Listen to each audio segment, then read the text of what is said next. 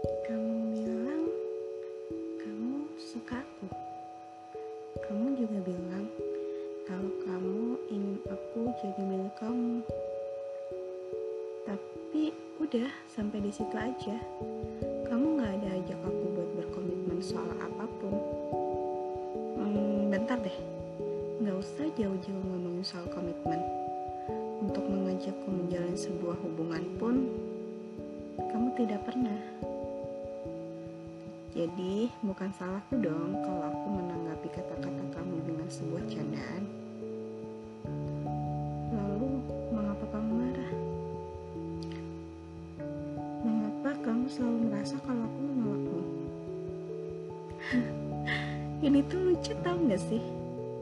Gimana ceritanya aku bisa nolak kamu? Kalau ngajak jajan aja kamu gak pernah tahu nggak? Kangkung aja diikat.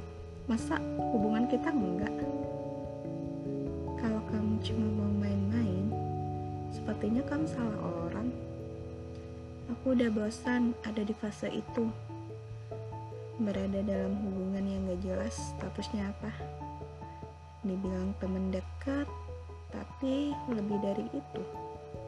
Giliran mau cemburu tapi bukan siapa-siapa buat aku saat ini semua harus jelas teman atau pacar kalau mau temenan ya udah jadi teman aja kayak kita biasanya aku nggak pernah keberatan soal itu jangan seperti saat ini kamu mengetuk pintu hati aku. Kamu mau apa?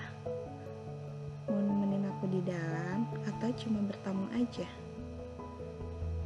ya kalau hanya sekedar mau bertamu ya udah nggak usah masuk sekalian biar aku aja yang nemenin kamu di luar oke okay?